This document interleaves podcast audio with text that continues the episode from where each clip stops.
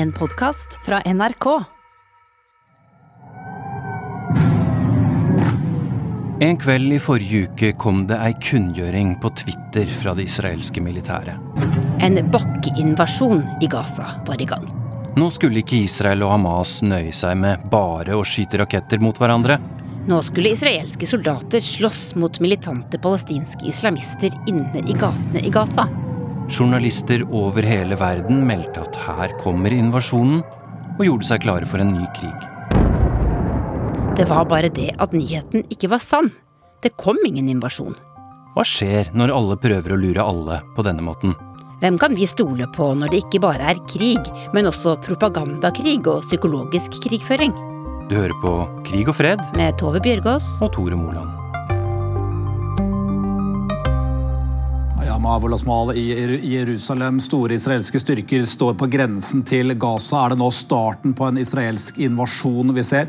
Det som skjer på grensen til Gaza, har alle kjennetegnene til en invasjon. Det var nøyaktig denne måten Israel IDF air and ground troops are currently attacking in the Gaza Strip.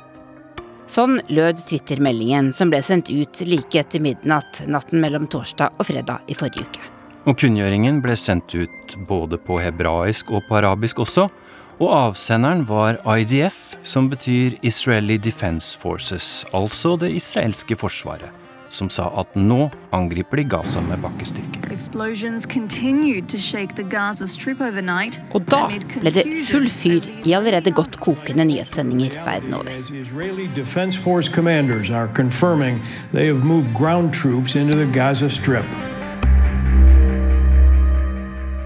Hva var det som skjedde natt til fredag, Yama?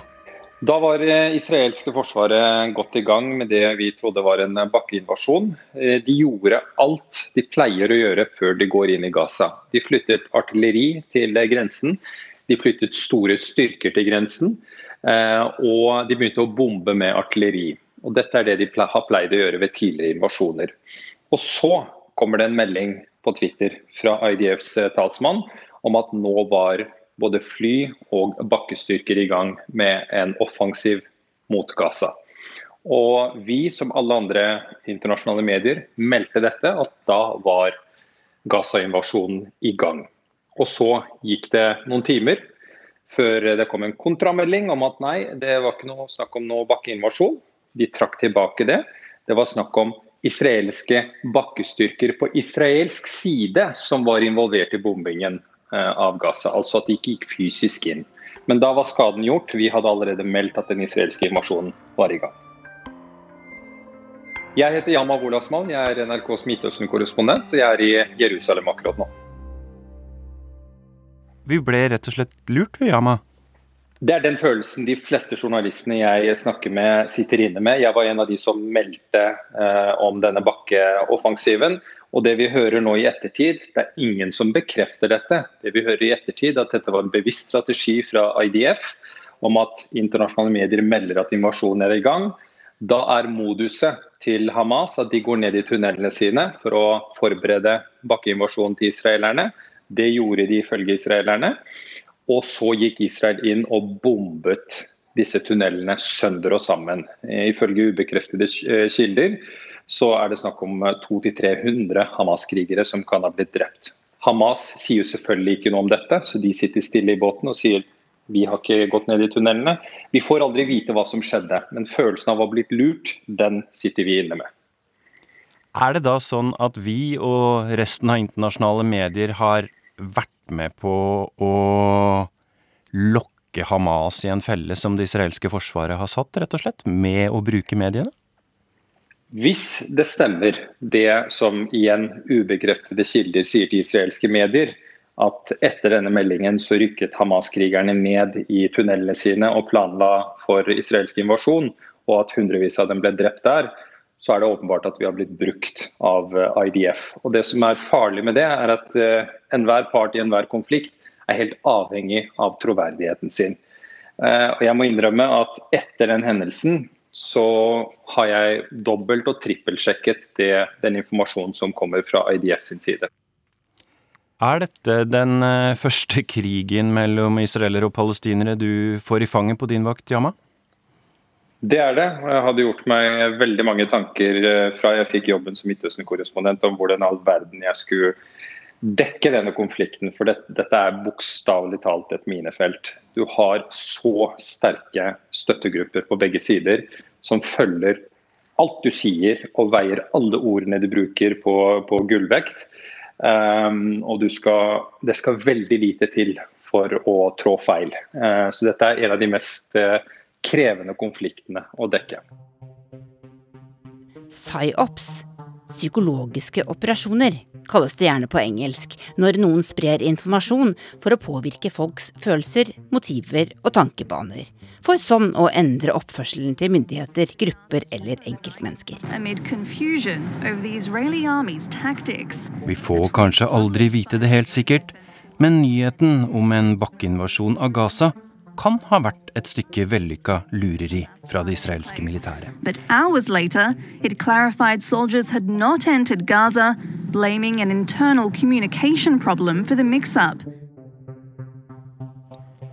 Hva slags uh, informasjonskrig er det vi står oppi? Vi eh, som journalister skal jo søke sannheten. Vi skal rapportere om det som skjer, når eh, det skjer, eh, og så godt det lar seg gjøre få bekreftede opplysninger. Og så er det jo sånn at alle parter som er involvert her, har jo en interesse av å framstille ting i, i sin fordel. Så er det vår oppgave da å skille mellom det som er sant og ikke sant, og få bekreftede informasjon ut til publikum, i vårt tilfelle det norske publikummet. Og så må vi da prøve å, å holde styr på hva som er bevisst bevisst feil informasjon, hva som er eh, bare skje, som skjer i krigens eh, kaos. Eh, det er mye av det også. Men det er klart at kampen om folks både sympati og, og, og verdens oppmerksomhet er jo også og Der spiller jo media en viktig rolle, det, det vet vi jo. Sigurd Falkenberg Mikkelsen heter jeg. Jeg er utenrikssjef her i NRK og har tidligere vært Midtøsten-korrespondent. Hva tenkte du da nyheten om bakkeinvasjon i Gaza kom natt til fredag, Sigurd? Jeg tenkte jo at uh, nå skjer det. Uh, nå skal uh, er, vi inne, er på vei inn i en ny fase av krigen. Og grunnen til at vi slår opp disse tingene så stort, er at vi vet at idet det blir bakkekrig Det er ille det som foregår nå, men idet det blir bakkekrig, så blir det virkelig uh, alvorlig for uh, de sivile. Og krigen går inn i en uh, helt ny fase. Også utrolig mye mer uoversiktlig konsekvenser for resten av Midtøsten. Så det er på en måte et vannskille uh, idet israelerne går inn med soldater, og det er derfor media er så opptatt av det. Men så gikk de jo ikke inn med soldater. Ble mediene lurt, rett og slett? Vi måtte i hvert fall trekke tilbake uh, de nyhetsmeldingene uh, våre uh, om at de var på vei inn. NRK, i likhet med de aller fleste internasjonale medieorganisasjoner, meldte jo dette med bakgrunn i israelske kilder. Eh, og i utgangspunktet så trodde vi jo bare at det hadde vært en forvirring. Eh, og så har vi jo sett de spekulasjonene i etterkant, da, i israelske medier bl.a., eh, om at det var en bevisst manøver fra israelerne. Men vi får jo aldri helt vite hva som har foregått der. Hva skulle hensikten med en slik bevisst manøver eventuelt ha vært? Det de israelske militære eh, kommentatorene sier, er at eh, dette dreier seg om en, en eh, såkalt sånn, ja, psyops, som de kaller det, for å få se reaksjonsmønsteret til Hamas og andre militante grupper inne, inne, i Gaza. Hva gjør de når bakkeinvasjonen kommer? Og så agere deretter. De får både mm, eksempler på handlingsmønster, men også mulighet til å bombe de stedene hvor hvor de, hvor de, da enten gikk i dekning eller uh, fant sine rakettposisjoner. For de har jo en plan uh, for hvordan de skal løse dette når, uh, eller dersom israelerne rykker inn. Kan du si noe om hva slags press man står oppi når man skal forsøke å rapportere om denne konflikten? Så all krigsjournalistikk er jo krevende, eh, fordi eh, det er, eh, det er farlig hvis man er i felt. Og det er, det er vanskelig å komme til. Så, og så er det mange etter hvert informasjonskilder. og Det er jo det nye her. Det er, det er ikke sjelden at vi opp gjennom historien har slitt med å, å dekke krig på en, på, en, på en, skikkelig måte. Men det som er nytt nå, er jo også at vi får et enormt informasjonstilfang fra sosiale medier, fra privatpersoner. Som kan være stemme, det kan ikke stemme. Så, så man, det har etter hvert også blitt en sånn informasjonssorteringsjobb som, som er krevende.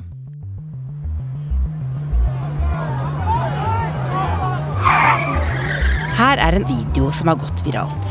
Fra Øst-Jerusalem i forrige uke. En israelsk bosetter kjører i stor fart inn i en gruppe palestinske ungdommer som demonstrerer.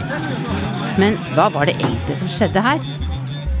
Var det egentlig et angrep på palestinske ungdommer, der gjerningsmannen etterpå ble beskyttet av politiet, slik sinte palestinere trodde? Veldig brutal video hvor du ser disse ungdommene, ungdommene bli slengt 10-15 meter bakover. Og så går andre ungdommer løs på denne bilen og sjåføren og holder på å banke han opp. Så kommer en israelsk politimann med et våpen og jager vekk de palestinske ungdommene. Det var klippet. Og jeg husker at Da jeg så det, så var det ekstremt provoserende. Fordi man ser en bosetter kjørende ungdommer, og så blir han da beskyttet av israelsk politi. Så gikk det noen dager. Og så fikk vi se hele klippet. Eh, vi gikk heldigvis ikke ut med den videoen. Eh, da så vi hele klippet, og det viste at den bosetteren kjørte nedover en vei. Før han kjører inn i ungdommene, så har han blitt pepret av eh, ungdommene med steiner. Og i den desperasjonen for å komme seg vekk, så kjørte han ned de ungdommene. Da fikk vi hele bildet. Men da var på mange måter skaden gjort, fordi det første klippet gikk viralt. Og i denne spente situasjonen som vi har i gatene nå, så er et sånt klipp nok til at folk går ut i gatene og kanskje tyr til vold. Kan du fortelle noe om hvordan du personlig opplever dette presset på hvordan du skal rapportere, og hva du skal rapportere om fra krigen, Jonna? Det er ekstremt utmattende å dekke denne konflikten. Begge parter har støttegrupper som er ekstremt aktive de følger med på alt du sier, du rapporterer, du skriver. Det er nesten sånn at hvis du plasserer et komma feil i artiklene dine, så får du rasende mailer. Eh, her om dagen så sa en av programlederne i overgangen til eh, min eh, live i Dagsrevyen at rakettene har regnet over Israels hovedstad Tel Aviv. Det klippet gikk viralt blant Israel-vennene i Norge. Se hvordan NRK feilinformerer. Israels hovedstad er jo ikke Tel Aviv, det er Jerusalem. Det skal så lite til eh, for at eh, man blir hengt ut. Man får rasende mailer fra begge sider. Forklar meg hvordan Israel-Palestina-konflikten er annerledes å dekke enn andre konflikter i Midtøsten, Yama Wolasmal? Dette er en konflikt som vekker så sterke følelser på begge sider. Eh, Israel har sine støttespillere over hele verden. De er ekstremt aktive. Eh, man trekker eh, paralleller helt tilbake til jødeutryddelsen, og man begrunner Israels fremferd med at dette er det eneste stedet jøder kan få være i fred, og derfor må Israel med alle midler prøve å forsvare seg. På motsatt side har, side har, du et folk som i flere tiår har vært under israelsk okkupasjon, som blir undertrykt, som sier at vi har ikke noe liv. Det er Israel som bestemmer alle aspekter ved vårt liv, og vi må gjøre motstand mot den okkupasjonen med alle midler. Om det er med å sende raketter eller steine, eh, kaste steiner. Eh, og så har du selvfølgelig grupperinger rundt begge fløyene som da er ekstremt aktive. Eh, så det, er, det skal veldig lite til før du merker et, et ordentlig trøkk fra begge sider eh, i den dekningen vi har.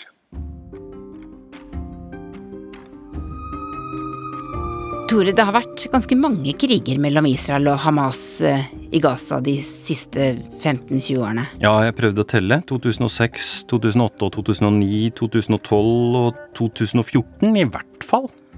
Og det var under den forrige krigen, i 2014, at den amerikanske komikeren John Stewart prøvde å forklare hvordan det var å dekke det hele.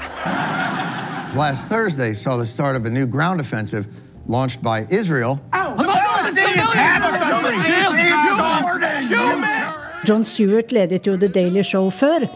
Og han har en uh, sketsj som han har lagt ut Eh, hvor han da sitter i studioet sitt, og så begynner han å si at ja, nå skal vi til Israel, for der har Og så kommer han ikke lenger i setningene sin, for det dukker opp masse mennesker i studioet hans som begynner å rope og rope og rope. Hva har du tenkt å si om Israel? Eh, du må ikke snakke stygt om Israel og jødiske, den jødiske staten. Eh, og det, det blir et, et kakofoni uten like. Og til slutt så blir han helt sliten, og så sier han OK, eh, vi skal heller snakke om palestinerne is not the same thing as being pro Hamas. So you're against murder children? Free Gaza! Og så dukker masse sinte mennesker opp og, og, og, og, roper igjen og klager og hyler, sånn at han ikke greier å høre sine egne tanker engang. Og dette syns jeg var uh, veldig morsomt, fordi at jeg kjenner meg veldig godt igjen i det. Fordi denne konflikten Eh, er jo en cocktail av eh, Det er menneskerettigheter, det er religion. Eh, det er en veldig vanskelig historie, det er holocaust. Og det er veldig, veldig sterke følelser. Og man blir jo helt gæren av denne konflikten. Både vi som jobber med den, vi som har jobbet med den, og alle som kommer i berøring med den, går aldri umerket videre. Jeg heter Sissel Wold. Jeg er korrespondent i Istanbul nå, men har bodd eh, til sammen eh, fem år i Jerusalem og eh, tre år i Israel tidligere da jeg var ung. Så jeg kjenner Israel veldig godt, og denne konflikten veldig godt. Ja, Når det gjelder den israelske siden, så har jo israelske myndigheter noe som heter hasbara. Eh, det kommer av verbet lehaspir på hebraisk, som betyr å forklare. Altså å forklare Israel. Og dette er en blanding av eh, spinn og propaganda og informasjon. Eh, og, nettopp det å vinne vinne krigen om sympatien tror jeg av og til er like viktig som å vinne militært. Så dette satte man jo masse krefter på, særlig etter den andre intifadaen. Og dette går da ut på å innprente i det internasjonale eh, miljøet, blant diplomater, blant eh, journalister og i det hele tatt, at Israel har alltid ønsket seg fred, men har ingen partner. Palestinerne vil ikke ha noen tostatsløsning. Dessuten er de splittet, og de er terrorister. Eh, konflikten kan ikke løses akkurat nå, så vi må vente til tiden er inne. Og så status quo er bedre enn eh, å ha en krig, og mediene er imot oss. Dette er disse talepunktene som de brukte veldig mye, og fremdeles bruker. Eh, men det var også et veldig press mot journalister. Og jeg husker en gang eh, så ga jeg et intervju på engelsk, fordi det var de engelskspråklige journalistene som hadde det verst, fordi at de når jo mange flere. Og dette intervjuet var i en bitte liten eh, nettavis tror jeg, i Stavanger for utlendinger som jobbet med olje. Og en bitte liten nettavis som ikke jeg hadde hørt om. Men med en gang det kom på trykk, så var det en mann som ringte meg fra det israelske utenriksdepartementet og skulle begynne å diskutere dette med meg, for jeg hadde ikke forstått uh, virkeligheten helt riktig. Og sånn. Og jeg bare tenkte at jeg måtte trekke intervjuet med en gang, for jeg orket ikke den diskusjonen om ord og vendinger, og jeg skjønte at han kunne gjøre livet veldig surt for meg fordi at han var fra Utenriksdepartementet. Så da måtte jeg bare trekke intervjuet. Ja, Opplever du denne krigen om opinionen denne gangen som annerledes enn i tidligere Israel-Palestina-konflikter, Sissel? Ja, for jeg hører veldig lite fra de israelske Hasbara-folkene. Og jeg syns det er mye stillere. Jeg vet ikke helt uh, hvorfor. Uh, men veldig interessant, fordi rett før denne siste militære omdreiningen nå, så så vi jo Israel som vaksinevinner. Og dette er jo en del av strategien. Å snakke om Israel som et høyteknologisk eh, land. ikke sant? De, de er jo langt fremme når det gjelder forskning, teknologi. Eh, high-tech, eh, frukt og grønnsaker, nevn det. Og det er også det som er en del av denne strategien. Vi må vise verden de gode tingene Israel gjør, så vil folk tilgi oss for okkupasjonen. Så der var jo Israel eh, veldig godt på vei til å bli verdens vaksinevinner. Men plutselig så er vi dratt tilbake til eh, okkupasjonen, og nemlig saken som aldri forsvinner. At denne konflikten blir ikke borte før palestinerne føler at de har fått rettferdighet.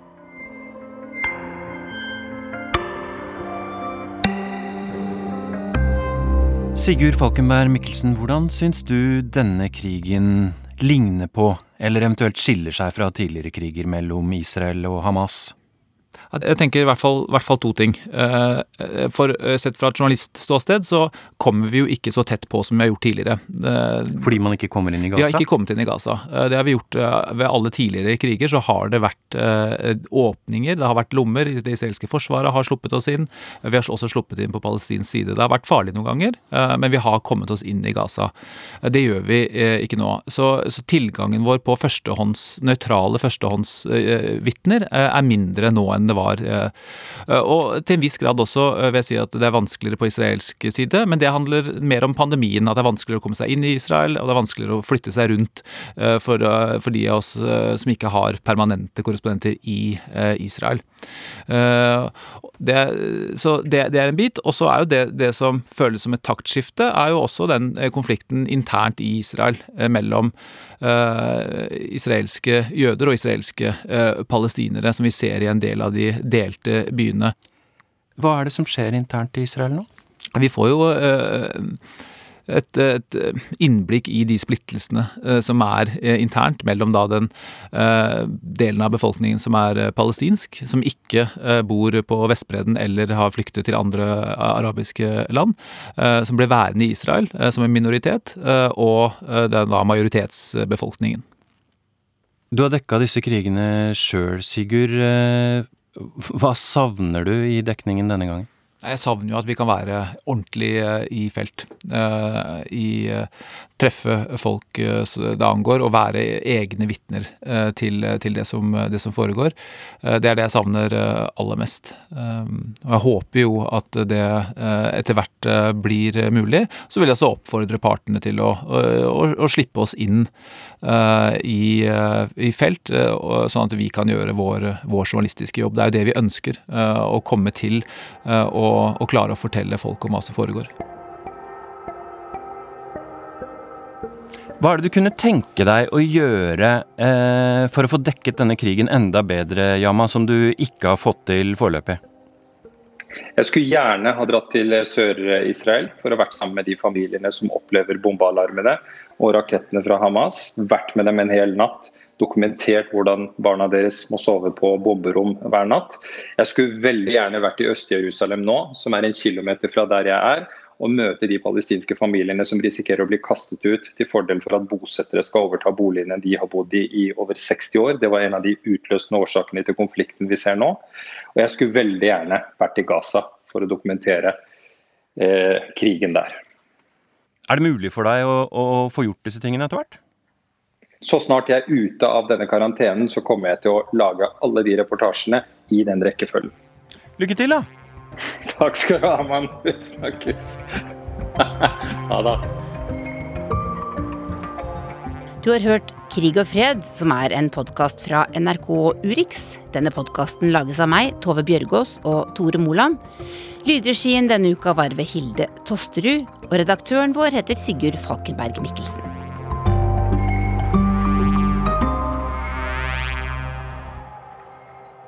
Du har hørt en podkast fra NRK.